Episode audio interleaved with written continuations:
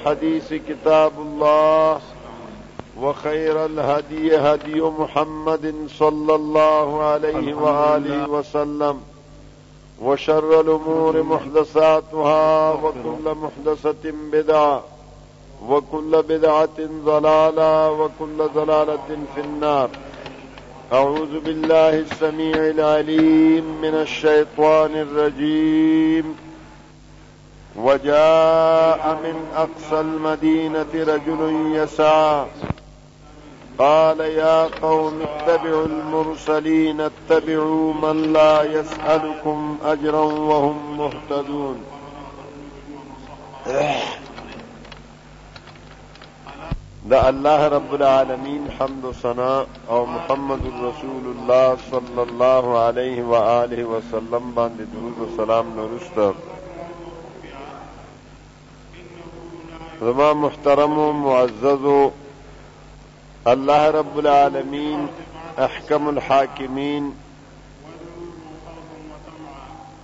په دې مخ د ځمکه باندې جنات او انسانان پیدا کړی دي او د دواړو مخلوق د پاره الله رب العالمين د دوی د هدايت د پاره انبياء کرام رسولان کتابونه را لګلي دي د آدم عليه الصلاه والسلام نه زما بیان کول تر محمد رسول الله صلی الله علیه و آله وسلم پورې دا سلسله د نبوت او د وحی حکم جاری و چې نه ته خامخا سو وایا او د حاضرینو او په محمد رسول الله صلی الله علیه و آله وسلم باندې ختم شوه دي چې راغه د مجلس تراته نو د دغه رسولانو دغه انبیاو مارانو په دی وجه د مجلس او د هغه پسې چې کم داعین او مبلغین راغلي دي د هغوی دعوت الله رب العالمین توحید او د الله تعالی یووالی ته چې رب العالمین په خپل ذات کې په خپل صفاتو کې په خپل اسماء کې او احکامو کې واحل لا شریک دی نه الله سره په ذات کې څوک شریک شته نه په صفاتو کې څوک شریک شته نه په اسماو کې نه په احکامو کې د آیاتونو کې نو کله چې دغه انبیاء ایمان او د اسلام الله رب العالمین ته طرف ته دعوت ورکړی دی چې د ایمان او د اسلام بنیاد دی اصل کې نو مخلوق علماء فرمایي د هغوی په مقابله کې ودرېدلي دي توحید توحید خو چا خو ورته لبیک ویلی دی درې څیزه او بعضو مخالفت کړی دی او توحید الالوهیه دغه رسولان توحید الاسماء والصفات الله رب العالمین چې څومره لیږلي دي دا دوه څیزونه د اوچت نسب او د داسې کردار والا چې د نبوت نه مخکې د هغې په کردار باندې د هغې په اخلاق باندې د هغې په اعمارو او صفاتو باندې هېڅ قسم د داغ نه کله چې هر یو پیغمبر راغلی دی د دې کوم حاجت دی او الله طرف ته دعوت ورکړی دی چې د ایمان بنیاد په دې نو هغه قوم چې د یو سړي کوم دا غي مخالف ګرځېدلی دی په دې پوه نه ایمان دا قوم مشرانو چې د یو سړي ایمان کامل نه باغی باندې مختلف تهمتونه مختلف داغونه او مختلف افتراګانې او مختلف دغسې قسم دروغونه ورپورې تړلي دي. وحدانیت ته اشاره کړې ده چې هغې ته توحید الاسماء والصفات وایي. نو دا د الله رب العالمین سنت او د الله رب العالمین یو طریقه جاري دی. ائمه مجتهدینو اقوال وګورې. چې تخلیق د انسانیت نه.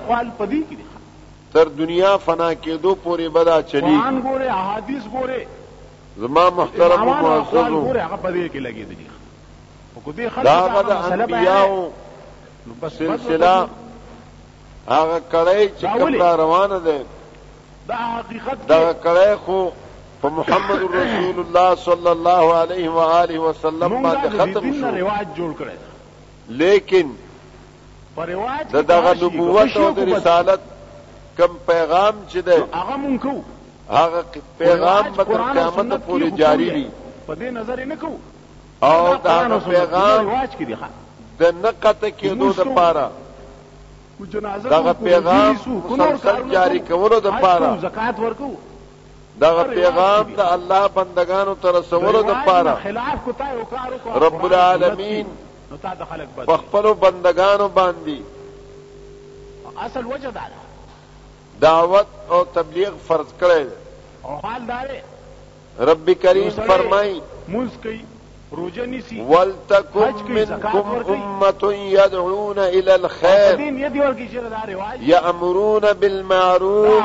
وينهون عن المنكر باید ده چې پتاسو کې داس یو ډله وي دغه عبادت نه قبول يدعون الى الخير چاغه خیر تا رابلی خیر چې د الله کتاب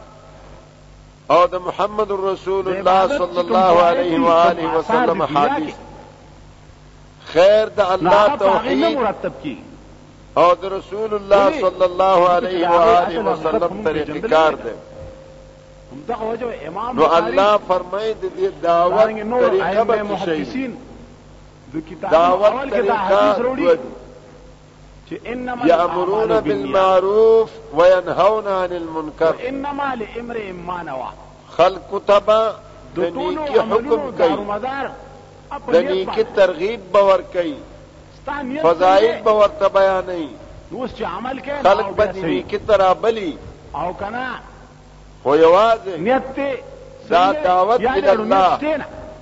دعوت الی الدین صرف اوس مسله دا چې موږ نیت هم نه پیژنو په امر بالمعروف باندې په فضائل باندې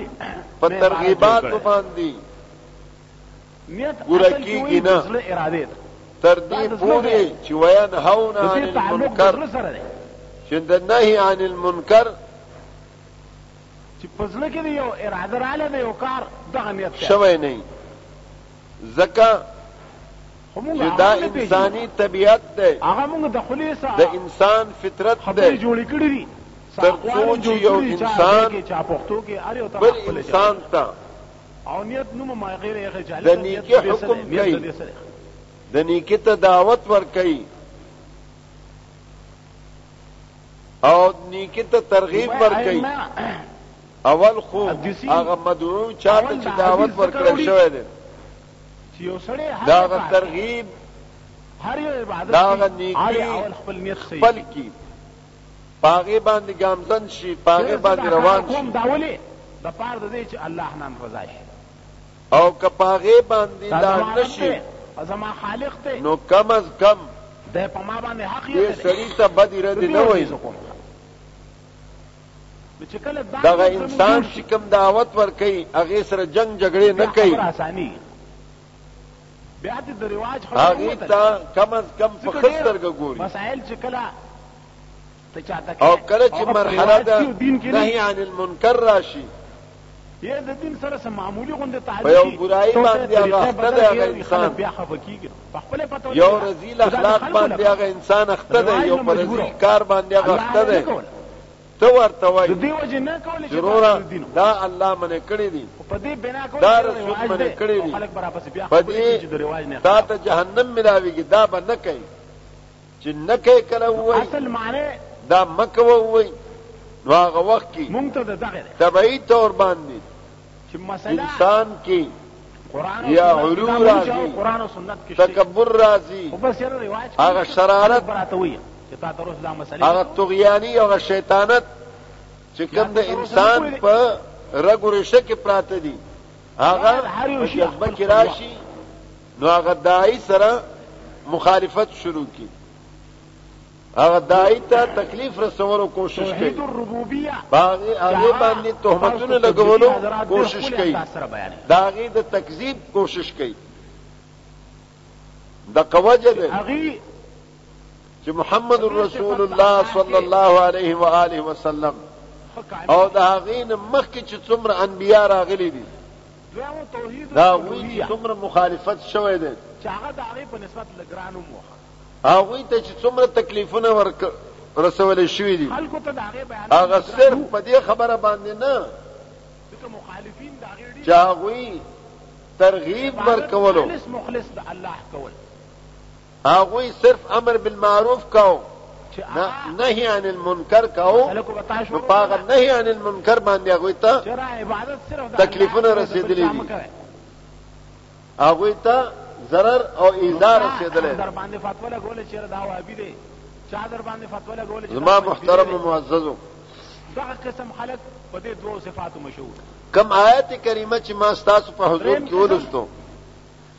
په دې کې هم الله رب العالمین موږ ته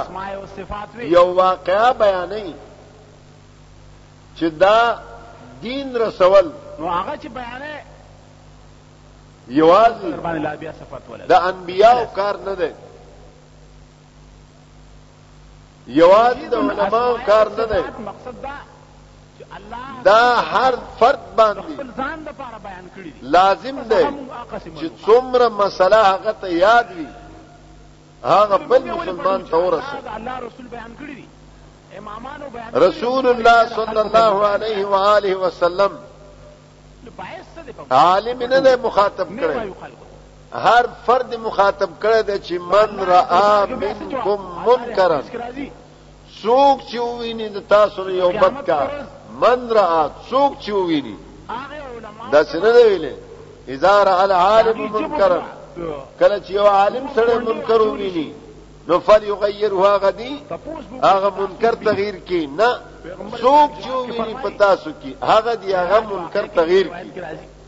پلاس باندې د هغه نه رکاو کی حضرت جبريل وتا که پلاس نشي رکاو کوله پلاس نشي منه کوله نو فبلسانه فجبد منه کی او که د جبه باندې د منې کولو طاقت نه لري نو فبقلبه بیا د پزړګ کې هغه بدوم غړي وذالک اضعف الايمان رسول الله صلی الله علیه وسلم فرمایي چې دا پزړګ کې بدګن دا یو ضعیف ایمان دی نو ما محترم معززو په دې ملک کې الحمدلله علما شته موحدین شته مبلغین شته دا الله فضل و کرم سره علما دا الله کتاب او د رسول الله صلی الله علیه و آله وسلم احادیث خلق ته رسي موحدین شته ده د الله توحید رسي مبلغین شته ده تبلیغ کوي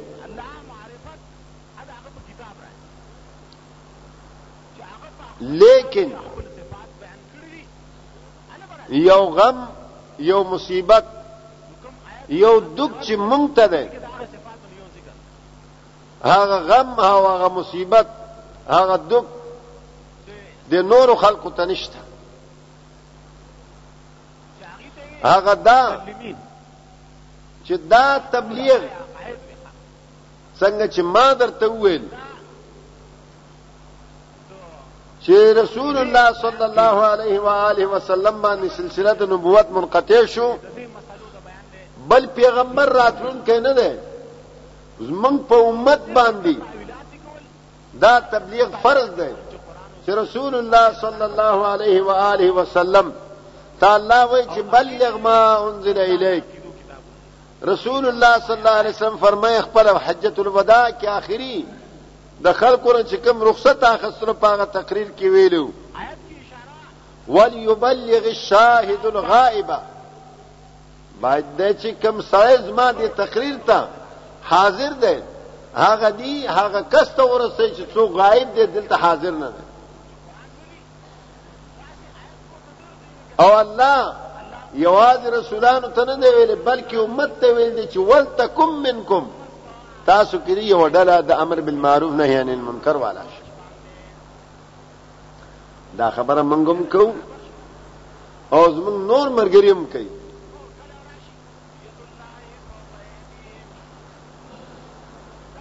دا الله توحید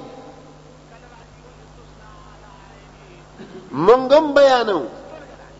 زموږ نور ملګري هم بیانې موږ هم دا وایو چې په مخ د ځمکه کې د ځمکې نه واخله تر عرشه پورې څومره مخلوقات چې دي دا هیڅ نشي کولی خو هغه انبیا وي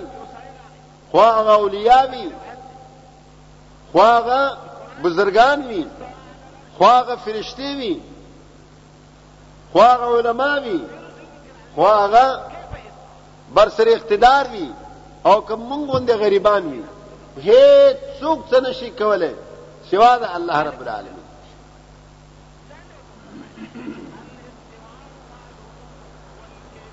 او زمون نور مرګري هم دا خبرې کوي مونږ هم دا وایو چې د انسانیت کامیابی د مؤمن کامیابی د مؤمن فلاح د محمد رسول الله صلی الله علیه و آله وسلم په تابعداري کې ده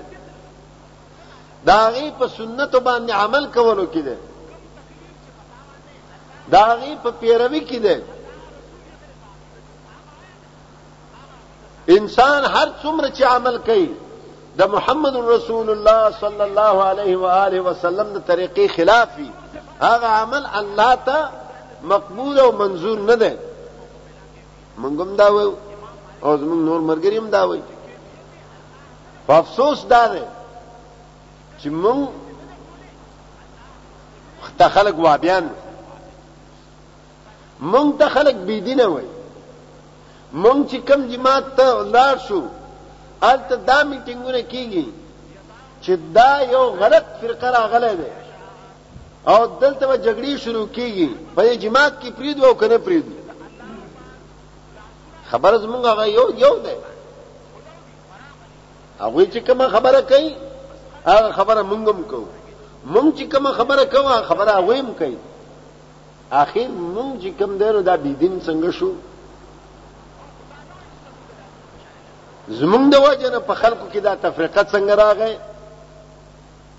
مونږ دا وابیان څنګه شو د سوچ خبره ده زما محترم و معززو وجه صرف دا ده چې مونږ چې الله ته دعوت ورکو مونږ دا وایو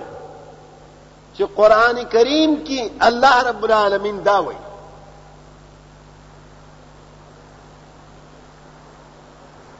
دا الله حکم دا دی دا محمد رسول الله صلی الله علیه و آله وسلم حکم دا دی اوس دغه حکم عملي کول پکار دي یو زباني خبره ده او بل عملي کول پکار دي چې موږ دا وویل چې د الله نه سوا د فرش نه واخله تر عرش پورې څه نشي کولای بیا په ګوته کولم پکار دی چې هلکه زمونږ په دې علاقه کې پیر بابا موجود دی پیر بابا نه چاته ښځې ورکولی شي نه چاته اولاد ورکول شي نه چاته مال ورکول شي نه چاته دولت ورکول شي نه څوک ذلیلول شي نه چاته عزت ورکول شي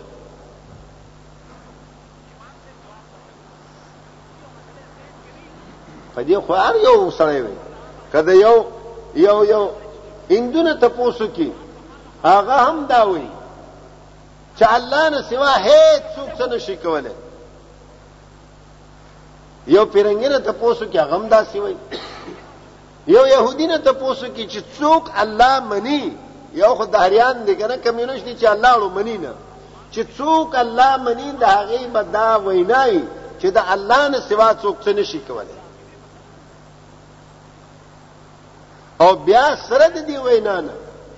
بیا هم لګیای چې دا بابا هم کولی شي دا کاکا هم کولی شي دا څلی هم کولی شي دا ستن هم کولی شي دا ونه هم کولی شي وایي هلکه ولې کولی شي وایي پله دې دې ستنې سره پلانې بابا ناست او د دې ونې لاندې پلانې بابا امتیازې کړي او په دې د دې د د کانې او د دې ګټې لاندې پلانې بابا ود شوی وو هلکه د هغې ود کېدو زه هم کار کولی شي د هغې امتیاز زه هم کار کولی شي د هغې د مانځه زه هم کار کولی شي د هغې د استوګنې زه هم کار کولی شي بیا مغه خلک چې کم دغه خبرې کوي نو هغوی ته هم بیا لا اله الا الله وینا سره بیا دغه کار کوي نو مونږ چې کم د خلکو ته ښکارو چې دا بی دین دي او د دوی د وجنه تفرقه پیدا کیږي ټول راضي صرف د دې وجنه چې مونږ ګوتک په ګوتکو چې رورا د دې د الله تعالی نه سوا د مکه نه واخله د فرش نه واخله تر عرش پورې د نکیو د امید ساتلو مقصد دا دی چې نه باغه بابا ته ځي نه بداغه بابا ته ځي نه باغه بابا ته ځي ټول باباګان به ختم شي د یو الله ذات دی لا اله الا الله مقصد هم دا دی چې حاجت روا او مشکل کشا مصیبت کې رسیدون کې مصیبت راوستون کې مصیبت لري کون کې نفع رسوونکی ضرر رسوونکی عزت ورکوونکی ذلت ورکوونکی د الله نه سوا څوک نشته محمد رسول الله دا مقصد دی چې زما هر عمل خواغه منځ وي خواغه اودس وي خواغه زکات وي خواغه حج وي خواغه روژه وي خواغه دعوت وي خواغه تهجد وي خواغه تبلیغ وی دا ټول به د محمد رسول الله صلی الله علیه وسلم په طریقه باندې وی اوس چې دغه د محمد رسول الله صلی الله علیه وسلم طریقې په ګوته کوي چې هلکه د رسول الله صلی الله علیه وسلم په مانځ کې دا طریقه وه د رسول الله صلی الله علیه وسلم په اوداسه کې دا طریقه وه د رسول الله صلی الله علیه وسلم په حج کې دا طریقه وه د رسول الله صلی الله علیه وسلم په زکات کې دا طریقه وه د رسول الله صلی الله علیه وسلم په تبلیغ کې دا طریقه و د رسول الله صلی الله علیه و علیه وسلم په جهاد کې دا طریقه و د رسول الله صلی الله علیه وسلم په هجرت کې دا طریقه و نو چې دا اوس په ګوته کې نو توړ راشي ولی توړ راځي ځکه چې موږ ځان ته مسلمانان وایو لیکن سره د اسلام نه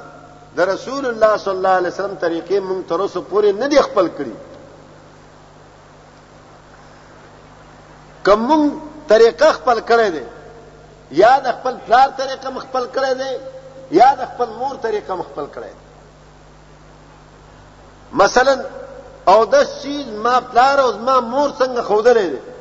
یا جماعت امام چې څنګه خودلې دی په هغه طریقې سره مونږ او دس کو په هغه طریقې سره مونږ منځ کو په هغه طریقې سره مونږ روزه نسو په هغه طریقې سره مونږ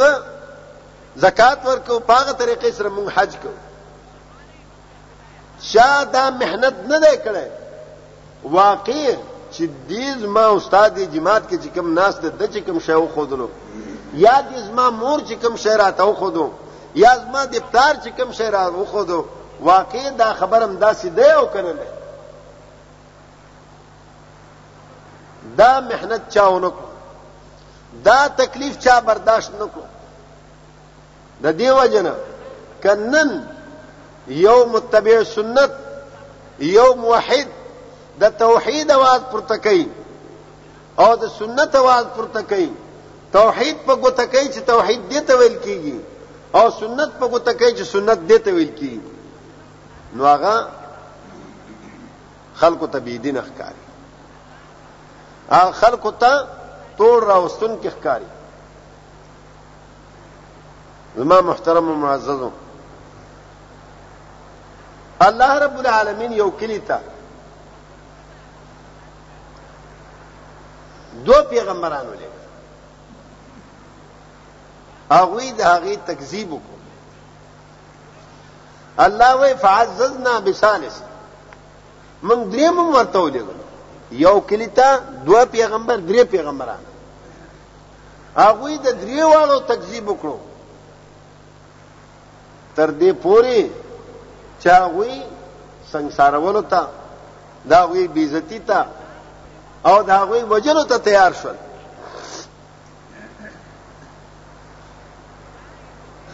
یو مسلمان یو نیک انسان الله وی د کلی هغه سرنا هغه ته پته ولګېده چې دې کلي ته د الله رسولان راغلي دي او خلکو ته دعوت الی الله ورکوي د الله توحید ته دعوت ورکوي او خلک ورسره مخالف شوي دي خلک د هغوی وجلو ته تیار دي نو هغه راغی الله وی وجاء من اقصى المدینه رجل د خار د هغه څنګه نه یو سړی راغی یسعا منډې وه میدان کې ودرېدو خلکو ته تبلیغ شروع کړ یا قوم اتبعوا المرسلین از ما قوم د دې لیګلو شو تابعداري وکړي ولی دوی کې دوه صفت دي دې کې څه صفت دي دوا یو صفت اتبعوا من لا يسألكم اجرا د داسې خلکو تابعداري وکړي چې تاسو نه څه مزدوري نه غواړي څه پیسې نه غواړي دنیايي لالچ نه دی راوستی ده دنیايي لالچ په بنیاد باندې تاسو ته لګیا نه دی ووټ درنه نه غواړي پیسې درنه نه غواړي چنده درنه نه غواړي او نور عزت درنه نه غواړي هیڅ دنیايي لالچ د د پزړه کې نشته چې کوم بیان تاسو ته کوي وهم مهتدون دویم صفت دا دی چې دا کم دعوت چې درکې بی علمی دعوت دل نه درکې غنی هغه سره علم نشته دلیل ور سره نشته او چې تپوس وکړي مونږ جاهلان یو دا مليانو نه تپوس وکړه دا خبره درته نه کوي وهم مهتدون دوی په هدایت دوی سره دلیل موجود دی دوی چې کوم خبره کوي د هدایت خبره درته کوي په کومې لارې ته چې تاسو رابلي د هغې پوره پوره واقفیت دوی سره شته، پوره پوره په هغې باندې دوی پوه دي، لهذا داسې کار وکړئ چې د داسې قوم تابعداري وکړئ، د داسې خلکو تابعداري وکړئ. زما محترمو معززو! مقصد او غرض زما دا دی چی اهل حدیث خلق را ته څوک وابیان وای څوک را ته غیر مقلدین وای څوک را ته څوی خو اخر اهل حدیث څوی اهل حدیث صرف دا وای یو د الله کتاب او بل د محمد رسول الله صلی الله علیه وسلم احادیث عملی کوي الله چې مونږ څنګه دعوت درکړی دی او د مانځه کم تشریح چې رسول الله صلی الله علیه و آله وسلم کړی دی په هغه طریقې سره تاسو مونږ وکړئ الله چې کم کلمې ته دعوت د لا اله الا الله درکړی دی او د دې کلمې تشریح چې محمد رسول الله صلی الله علیه وسلم څنګه کړی دی په هغه طریقې سره تاسو عقیده جوړ کړئ موږ دغه دعوت ورکو خلکو ته وایو چې قران زده کړئ قران زده کړئ حدیث زده کړئ چې قران کله زده کړئ حدیث کله زده کړئ نو ان شاء الله ستاسو دا تیر عمل دا تیر ژوند دا تیر اسلام تاسو په داسې ښکار شي لکه چی مونږ په هیڅ کې نه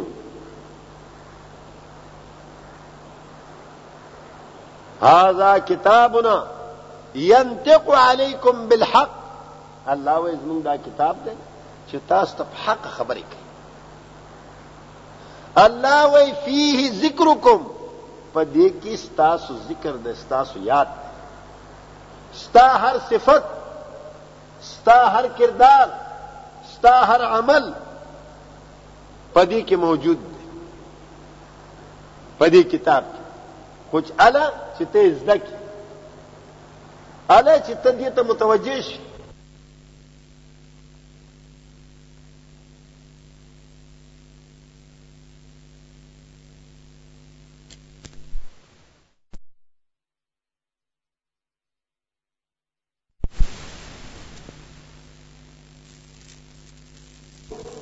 مړه او شي ختمونه ورته وکړو یا غوا او مې خو د پاره تعویز ورته وکړو په خبر خکري او په غاړه کې ورته واچو او یا خلکو ته قسمونه ورکو قران دې د پاره نه دی راغلی قران د تدبر د پاره راغلی او عمل د پاره راغلی چې موږ پکې زده کو تدبر کو عمل کو ور باندې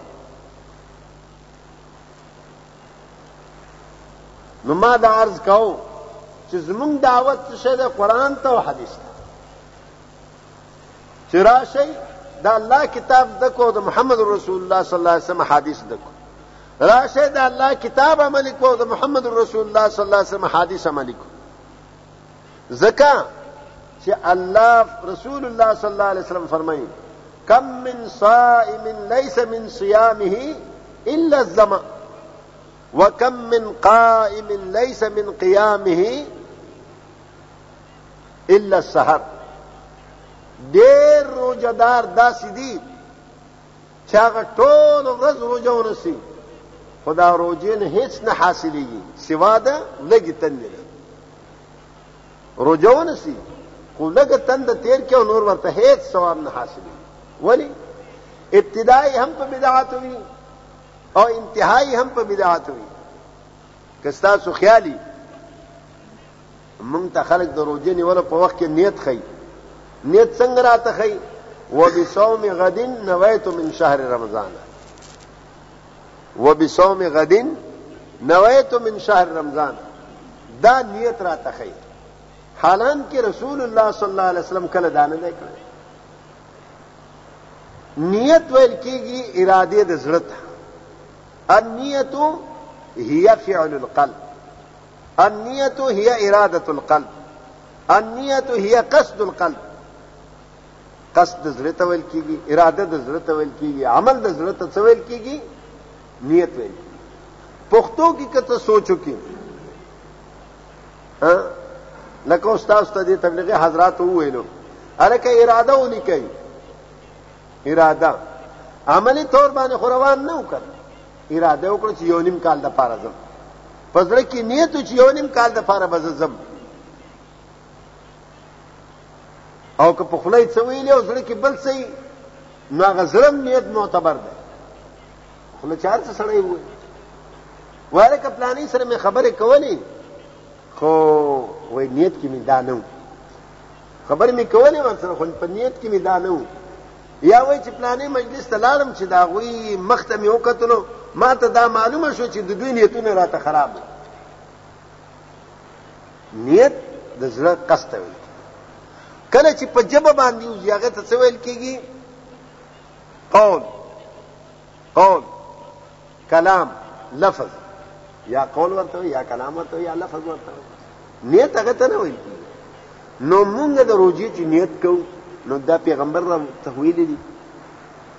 الله ویلي دي رسول ویلي دي نه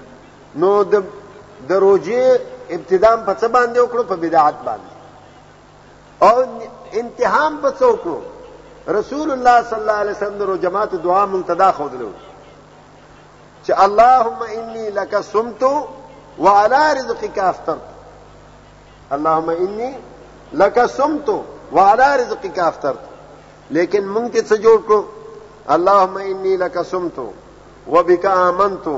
وعليك توکلت وعلى رزقك افترت په مینځ کې څه ټانکې ولګولې ګوچ دا الفاظ ټیک دي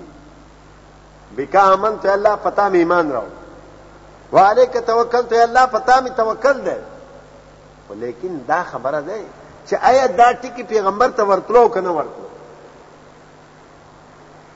تا د پیغمبر ټکی کې په مینځ کې دی راوستو چې پیغمبر سر دومره ویل چې اللهم انی لک سمتو وعلى رزقک افطرتو او تا په مینځ کې نوري ټانکې ولګولې د دې مقصد دا شو چې پیغمبر په نه دی پوه شوی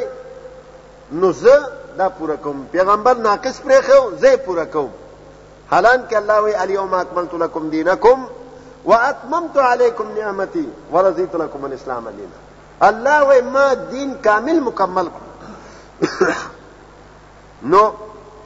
چې دین کامل مکمل شو نو بیا زمونږ د ټانکې لګول ته څه ضرورت ځکه پیغمبر وای چې کم من صائم ليس من صيامه الا سحر ډېر روزدار داسې دي چې د هغې روزو نه هیڅ نه حاصلېږي سوا د الا زما سوا د ولګي او د تندې نه وکم من قائم ليس من قيامه الا سهر ډېر تهجد گزار دي نواف نفل گزار دي منځ گزار دي دا غي د مانځنه دا غي د تهجد نه دا غي د نوافلو نه هیڅ نه حاصلېږي سوا د بی خوبې نه ټول شپه بی خوب شي ټول ورځ چې کم ده نه بیکار شي خو هیڅ ثواب ورته حاصل نشوي ولی ځکه چې د پیغمبر په طریقه باندې هغه مونځ ونه کړو ابتدا چې د مانځ کوي نن میکړه زړه د خلاص او نن میکړه د زړه د خلاص یو غنټه خو په دې باندې لګي حالان کې نه الله ویل دی او نه رسول ویل دی د مونځ ابتدا په څه باندې وکړو په بدعات باندې او چې بیا شروع شي دعا استفتاح نشته چې الله اکبر نه ورسته کومه دعا ویل کیږي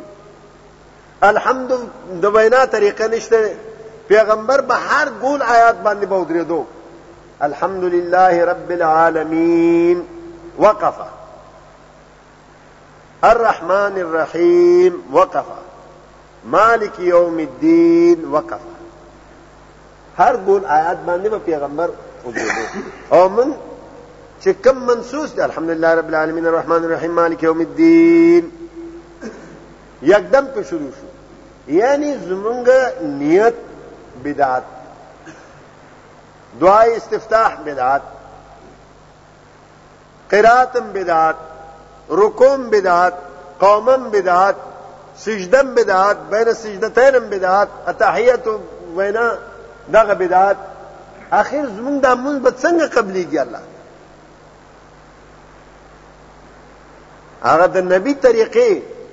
داغه پیغمبر طریقه چې هغه کې زمون خلاصې ده هغه کې زمون نجات ده هغه کې زمون کامیابی ده چرته لاړ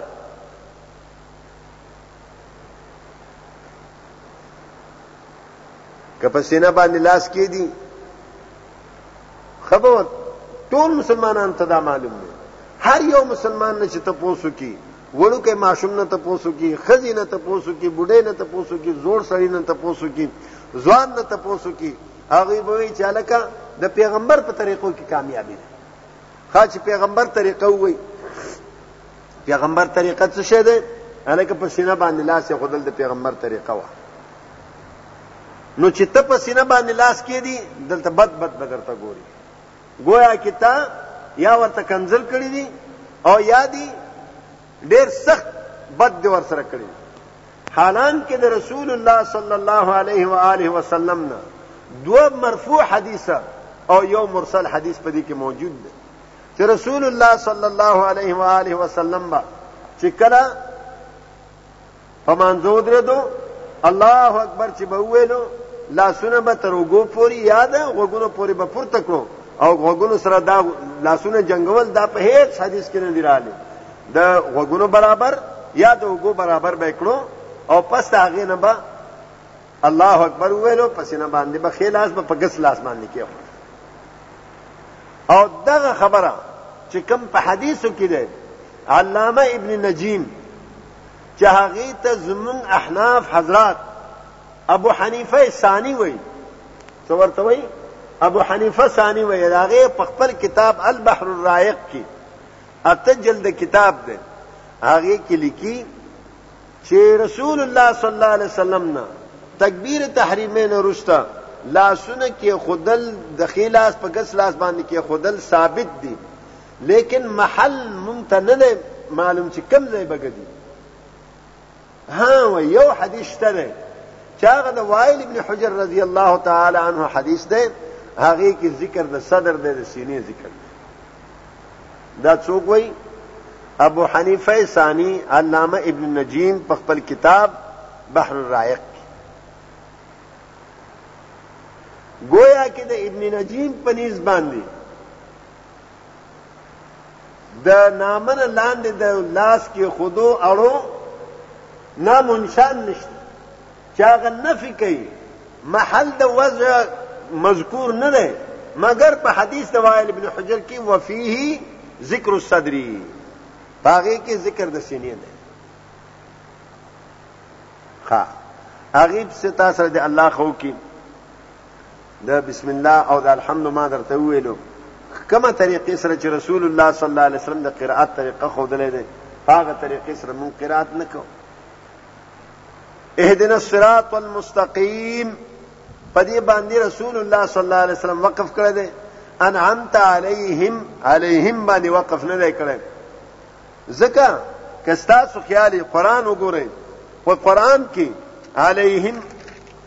مستقیم باندې ګول آیات دی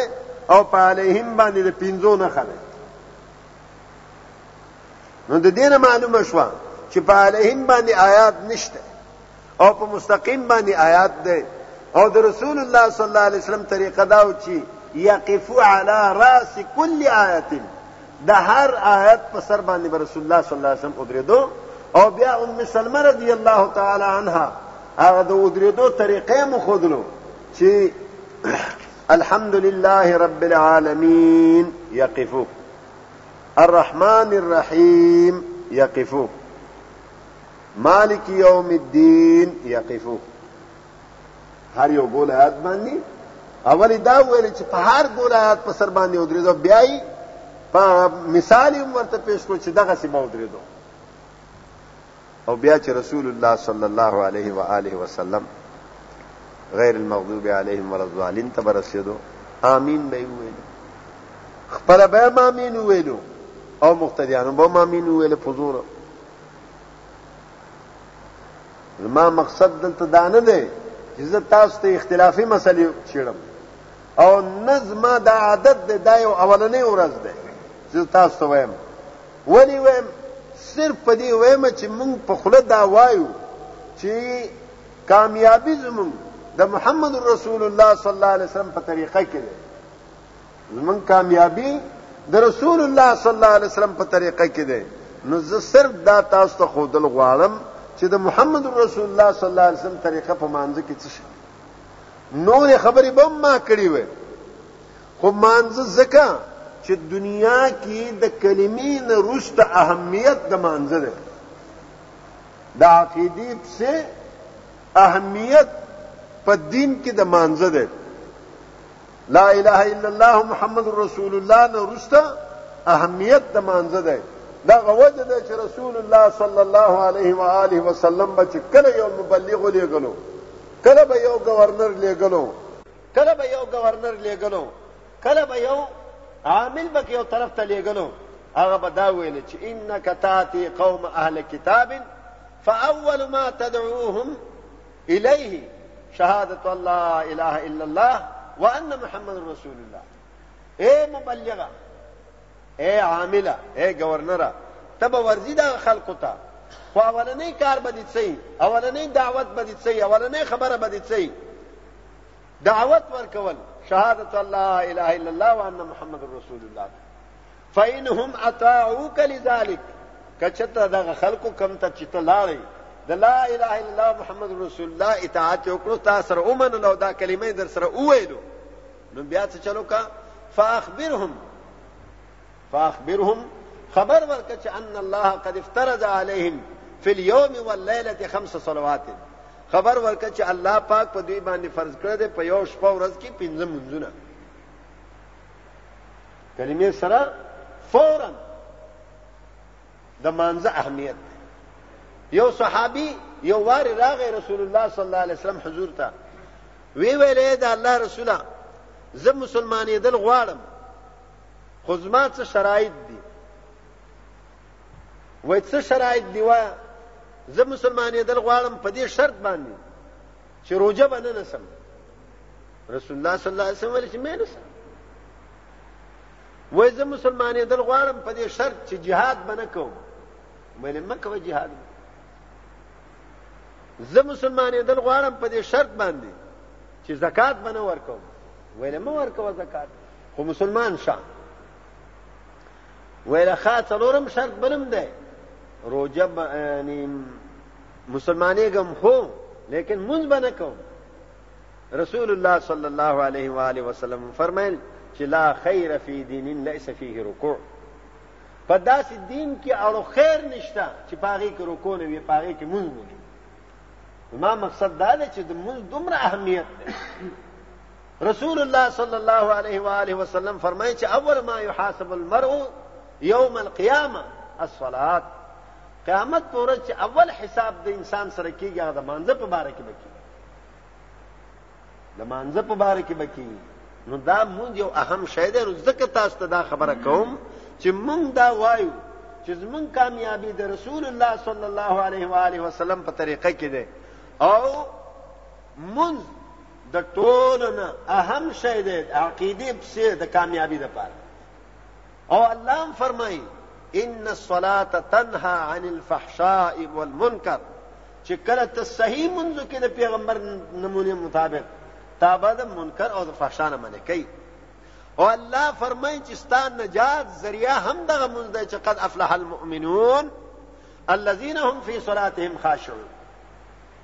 مؤمنان کامیاب شو کم مؤمنان هغه مؤمنان چې هغه د محمد رسول الله صلی الله علیه و آله وسلم په طریقه په خشوع او په خضوع سره مونږ کوي نو مونږ اهمیت دی ما ځکه درته دا خبرونه ولا چې رسول الله صلی الله علیه و آله وسلم چې بکله غیر المغضوب علیهم ولا الضالین ویلو خپل به ممین ویلو او خلکو به هم امین ویل تر دې پورې چې احادیثو کې راځي جهر بها احادیث کې راځي چې مد بها صوته حدیث کې راځي چې رفع بها صوته حدیث کې راځي چې حتی سمع من یلیه من الصف الاول یو خدای وای تر دې پورې چې رسول الله صلی الله علیه وسلم دومره په زور امین وویل چې ما د خزو په صف کې واورېدو ښځو صف خو د نارینو د صف نه وروسته وي تر دې پورې چې امام بخاري رحمت الله علیه فرمایي عبد الله ابن زبیر رضی الله تعالی عنه یو وار منځ ورکولو په خانه کعبه کې وای امن ابن الزبیر و امن من وراءه حتى ان للمسجد للجه ابن زبیر امین ویلو ورپسې چې څومره خلکو هغه امین ویلو تر دې چې جماعت وګړنجه رسول الله صلی الله علیه و آله وسلم چې کله رکوع ته لاړو څنګه چې تکبیر تحریمه په وخت کې وګو پوری او غوګونو پوری رفع الیدین کړو مکه سی حالته مخ او رکوع کې به با قاعده خ وتره دا خپل بدن نه به داسې جوړ کړو لکه چې لیندۍ او دا دواړه لاسونه به داسې و لکه جی لیندې ته چې جی واچي نو داسې جوړیږي دقه سه به کوم نه خه نیغ په رکوع کې بلا او رکوع کې به با قاعده رسول الله صلی الله علیه وسلم فرمایي و اما الرکوع فعظموا ربکم رکوع کې د خپل رب تعظیم بیان کړي چې سبحان ربي العظیم سبوح قدوس رب الملائکه والروح سبحان ذی الجبروت والملکوت والکبرياء والعظم دا دعاګانې وایي بیا به سمع الله لمن حمده وایي بیا څنګه په تکبیر تحریمه کې رفع الیدین کړو مقصد بیا به رفع الیدینو کې او بیا به صرف سمع الله لمن حمده باندې به اکتفا نه کوي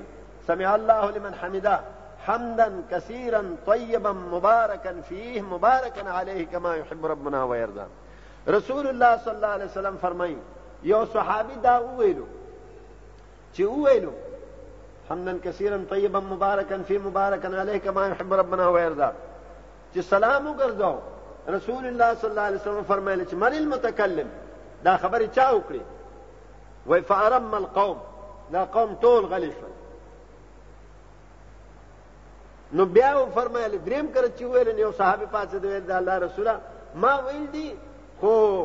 ما رت الا خیر اوی د خیر نه سوا بل څه اراده مې نه وکړې رسول الله صلی الله علیه وسلم فرمایل په الله مې قسم وی چې دولس فرشته د دې ثواب او چتوره د پاره یو بل نه مخکې کېدی او د دې ثواب او چتوره یو ویل چې زه اوچتوم بل ویل چې زه اوچتوم دوه ورځې پېښ دي یعنې دومره ثواب دی او مونږ ترې محرومه یو یوازې دا نه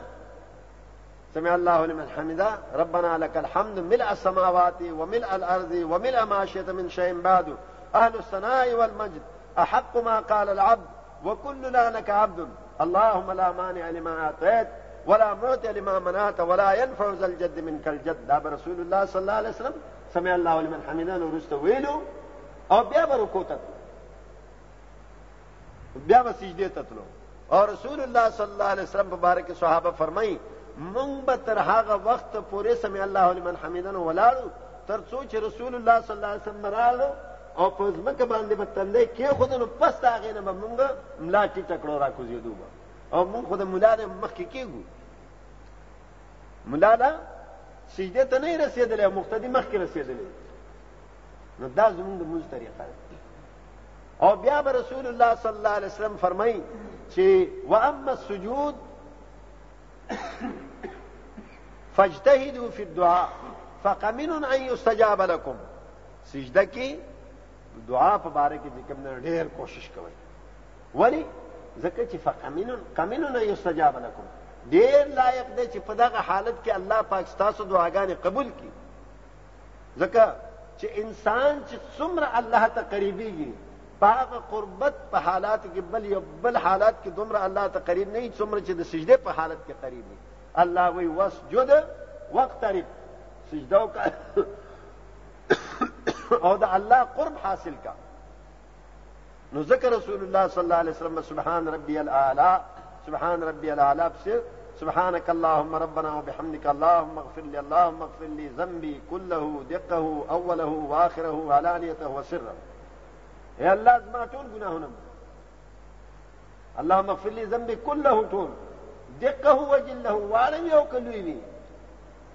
علانیته و سره اے الله که ظاهرا مې کړی یو که په پټه مې کړی اے الله زما ټول ګناهونه وبخښه لیکن موږ هغه درې کرت هغه د سبحان ربي الاعلى هغه درې کرت وینام په موږ باندې بوج وي او بیا دو سجدو په منځ کې رسول الله صلی الله علیه وسلم اللهم اغفر لي وارحمني وعافني واهدني وارزقني رب اغفر لي رب اغفر لي دا به دنیا او د آخرت دعاګانې مې رسول الله صلی الله علیه وسلم بیا به دویم سجده ته لاړ چې دویم سجده نه به پاتېدو بیا به مالک ابن حویرث رضی الله تعالی عنه فرمایي اذا كان في وتر من صلاته لم ينهز حتى يستوي جالسا کله چې اول رکعت د منځ به پوره کړو بیا به نه پورته کېدو حتی یستوی جالسا تر دې چې په ناست به ښه برابر شو پس هغې نه به پات شو دې ته جلسه استراحت ویل دا د رسول الله صلی الله علیه وسلم د منځ طریقه وه او بیا چې دویم رکعت به په دقه طریقې سره پوره کولو یو حدیث کې رسول الله صلی الله علیه و آله وسلم ته یو صحابي راغی هغه لمونځ یې وکړو او رسول الله صلی الله علیه وسلم ورته کتو نه یې رکوع معلوم و نه یې سجده معلوم و خو لکه زمونږ د پښتنو غوندې لمونځ یې کاوه پښتانه لمونځ کوي لمونځ نه پرېږدي خو د غریبانو نه الحمد معلوم وي نه قل هو معلوم وي او نه رکوع معلوم وي نه سجده معلوم وي نه تحیت معلوم وي په یو منټ کې څلور رکعات وکړي نو هغه په یو منټ کې څلور رکعات وکړو راغی رسول الله صلی الله علیه وسلم باندې سلام واچو هغه ویل وعلیکم السلام ارجع فصلی فانك لم تصلي واپس منځو کې تا مونږ نه دی هغه غریب لاړ مونږ د اکل خان نه چې څنګه مونږ نه شما خو مونږ وکړو لاړ بیا یو کړو بیا راغی سلام واچو بیا رسول الله صلی الله علیه وسلم ته ویل چې لاړ شم مونږ کې تا مونږ نه دی شو غریب بیا لاړ بیا یو کړو دریم کړ بیا راغی مغه سیمونځ وکړو نو بیا رسول الله صلی الله علیه وسلم باندې سلام واچول سلام واخستو ویل واپس شپ دا مونږ نه کړ مونږ وکړ دریم کرت یا څلورم کرت حدیث کې راځي او اے دا الله رسول په الله مې قسم ته قسم مونږ راځي او نور خمال نه راځي او ویل ښه کېده مونږ د اول سرنه دا پوره یو رکعت پوره خپ اطمینان سره ورته وخوګلو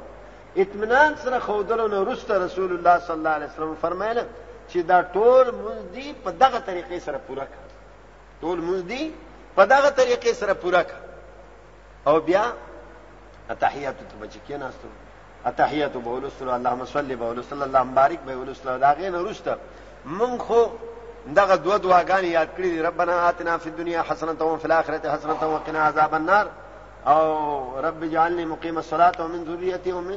څنګه نه دغه یاد کړی دی حالان کې په هیڅ حدیث کې دا نه راځي چې رسول الله صلی الله علیه وسلم دا ویلي په هیڅ حدیث کې دا نشته چې رسول الله صلی الله علیه وسلم ویلي او د ربنا آتنا فی الدنیا په باره کې د عبد الله ابن مسعود رضی الله تعالی عنہ یو موقوف روایت دی چې هغه اتحیت کې دا ویلي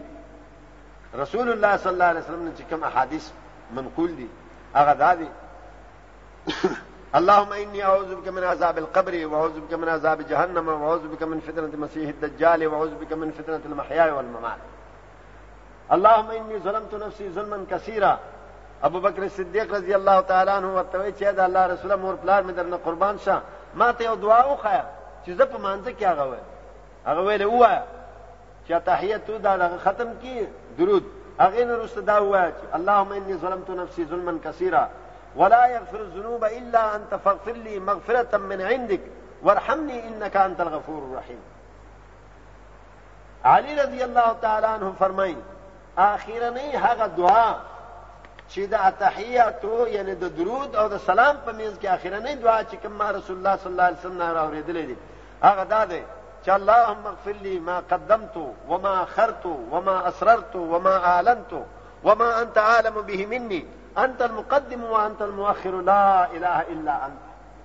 بیا پس دا غینه رسول الله صلی الله علیه وسلم السلام علیکم ورحمت الله خطاب ته کله کله به السلام علیکم ورحمت الله وبرکاته به ویل او ګس طرف ته به السلام علیکم ورحمت الله ویل مقصد او غرض زما دا د زما محترم معززو چې مونږ ته خلک د توړ والا یا را توابیان یا را ته غیر مقلد یا را ته شرپسند یا نور داسې خبرې چې کوي په څه وجه باندې صرف په دې باندې چې مونږ وایو چې څنګه چې مونږ په زبانه ویلي دي چې زمونږ کامیابی د الله تعالی د رسول صلی الله علیه وسلم په طریقو کې دی نو هغه طریقې اوس په ګوته کول پکار دي چې په مانځ کې طریقې څه شه ده او په روزه کې څه شه ده په حج کې څه شه ده په زکات کې څه شه ده په تبلیغ کې څه شه ده په هر هر معاملې د ژوند کې ذکر رسول الله صلی الله علیه وسلم په باره کې الله فرمایي لقد كان لكم في رسول الله اسوه حسنه بېشکه تاسو دپاره په رسول الله صلی الله علیه و آله وسلم کې نیک نمونه دی خو دا نیک نمونه څوک خپلوي هر سړی نشي خپلولی خو هغه سړی به خپلوي چې لمن کان یرجو الله والیوم الاخر څوک چې د هغې د چا په زړه کې چې دا خبره چا دماغ کې چې دا خبره چا په رګو ریشه کې چې دا خبره ناسته چې زه به الله سره مخامخ کېږم قیامت راتلونکی دی او الله به مانه تپوس کوي چې لما فعلت وکيف فعلت دا کار دې کړی دا مونږ دې کړی دی ولې دې کړی دا زکات دې ورکړی دی ولې دې ورکړی دی دا حج دې کړی دی ولې دې کړی دی دا روزه دې نیولې دی ولې دې نیولې دی او دا تبلیغ دې کړی دی ولې دې کړی دی دا تدریس دې کړی دی دا ولې دې کړی دی دا تجارت دې کړی دی ولې دې کړی دی jihad دې کړی دی ولې دې کړی دی هجرت دې کړی دی ولې دې کړی دی او بیا وکيف فعلت کړی دي څنګه دی ولی دي کړی دی او څنګه دي کړی دی د هر کار د پاره بدا ته پوس کیږي چې ولی دي کړی څه دلیل و در سره چې دا کار دي کول د مانزه د پاره څه دلیل و در سره روزه د پاره څه دلیل و یعنی څه کار چې تکې د هغه د پاره څه دلیل و چې تا کول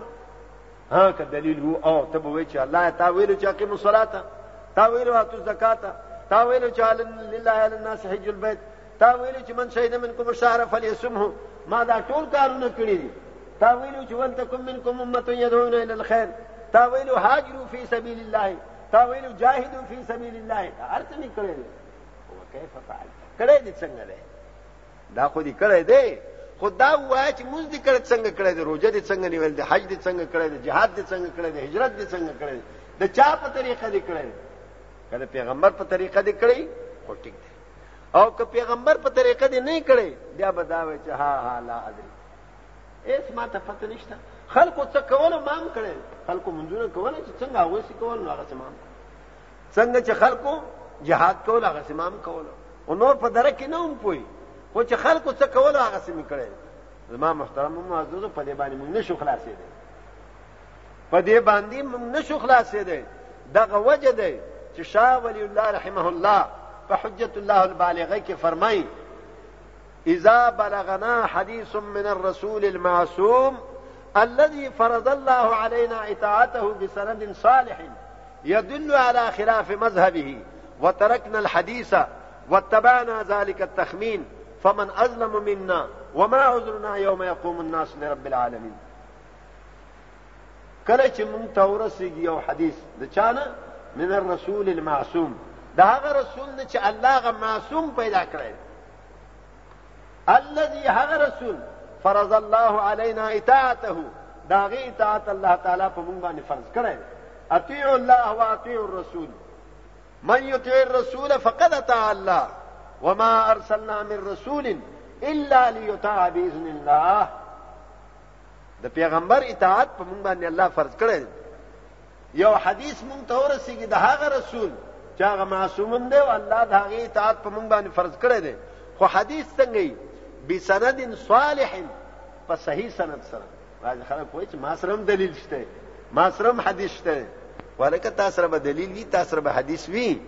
خو سند به صحیح نه هغه کې به زوفي هغه کې به نکارت وي هغه کې به شذوذ وي هغه کې به د وضع علامات وي خو به سند صالح په صحیح سند سره ورسیږي او دغه حدیث څنګه يدل على خلاف مذهبي کته حنفي د حنفیت خلاف دی کته شافعي د شافعیت خلاف دی کته مالکی د مالکیت خلاف دی کته حنبلی د حنبلیت خلاف دی کته پیپلی د پیپلیت خلاف دی کته نشنلی د نشنلیت خلاف دی کته مسلم لیګي د مسلم لیګیت خلاف دی